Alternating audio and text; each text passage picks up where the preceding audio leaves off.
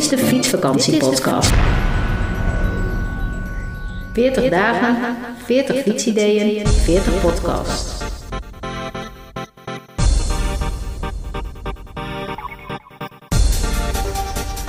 Welkom bij aflevering 151 van de Fietsvakantiepodcast. We zitten in de reeks 40 dagen, 40 fietsideeën. En we gaan nu vanuit Praag terug naar Nederland, terug naar mijn woonplaats Zwolle. De fietsvakantiepodcast stelt af naar Pasen. Af naar Pasen. Af naar Pasen.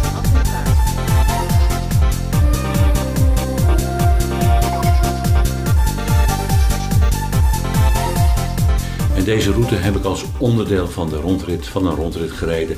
Dus het is weer logisch dat ik weer terug ga. Het eerste gedeelte was van Zwolle naar Hamburg. Het tweede gedeelte was van Hamburg naar Praag. En nu gaan we terug naar huis. Het is het derde gedeelte dus. En het maakt gebruik van de Europa-fietsroute naar Praag toe. Ik rij hem dus in omgekeerde richting. De meesten zullen over deze route naar Praag zijn gereden, maar ik rij hem dus vanuit Praag terug.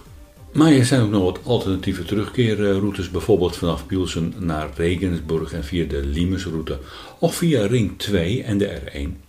Doch de snelste is deze van Europa Fietsers. Als ik de indeling volg van deze route, dan bestaat de route tot Millingen uit vijf etappes. En de eerste etappe gaat van Praag naar de Duitse grens. Het is een landelijke, rustige route, onder andere langs Pielsen en Chep. De tweede gaat naar Hildburghausen en over het Fichtelgebergte en langs de Main. Derde etappe gaat langs de Werra naar Hannover-München. Via de Diemel en de Wezer gaat etappe 4 naar Paderborn. De laatste etappe naar Millingen via de Liepe en de Rijn. En tenslotte, om in Zwolle te komen, gaat deel 6 via Arnhem. Over de Hanseroute. Een korte omschrijving van de route kun je vinden op uh. En we hebben nog 21 afleveringen te gaan naar Pasen.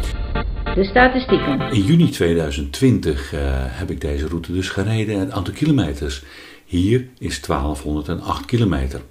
7406 hoogtemeters heb ik genoteerd en ik zat ongeveer 80 uur op de fiets. Ik deed het in 12 dagen. De zwaarte van de route is licht gemiddeld en spannend. Je rijdt over meest autoluwe wegen of fietspaden. Eerst vooral door heuvel-berglandschap, meest langs rivieren. Wat waren de hoogtepunten naast Praag? De stad Pielze, kuuroord Marianne Latsne, Hannover Münden, gelegen, langs, gelegen op de plaats waar de Werra en de Vulde samenvloeien en de Wezen vormen. Hoe was deze fietstocht? Vanuit Praag terugrijden is een mooie ervaring. Je zou dus kunnen overwegen om dus eerst met de trein naar Praag te gaan en dan terug te fietsen. De routedocumentatie van Europafietsers is een goed hulpmiddel voor zowel de route als ook voor de voorzieningen onderweg. Pluspunt is de bewegwijzering. Doordat veel langs rivieren wordt gereden, is het geen zware tocht, maar het heeft wel zware stukken. Landschappelijk is het een gevarieerd geheel. Vooral Turingen is mooi. De wegconditie laat op sommige stukken te wensen over, maar dat is inherent aan, het, aan een autoluwe buitenlandse tocht. Een goede fiets met de juiste banden heeft daar geen moeite mee.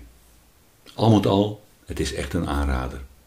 Meer informatie vind je op de routepagina Praag-Zwolle, op fietskriebels.com of op de routepagina's van Europa Fietsers. Dat was het dan voor deze aflevering. Ik wens je veel inspiratie en graag tot morgen.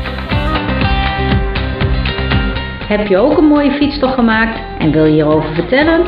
Mail naar fietsvakantiepodcast.fietskribbels.com Tot morgen!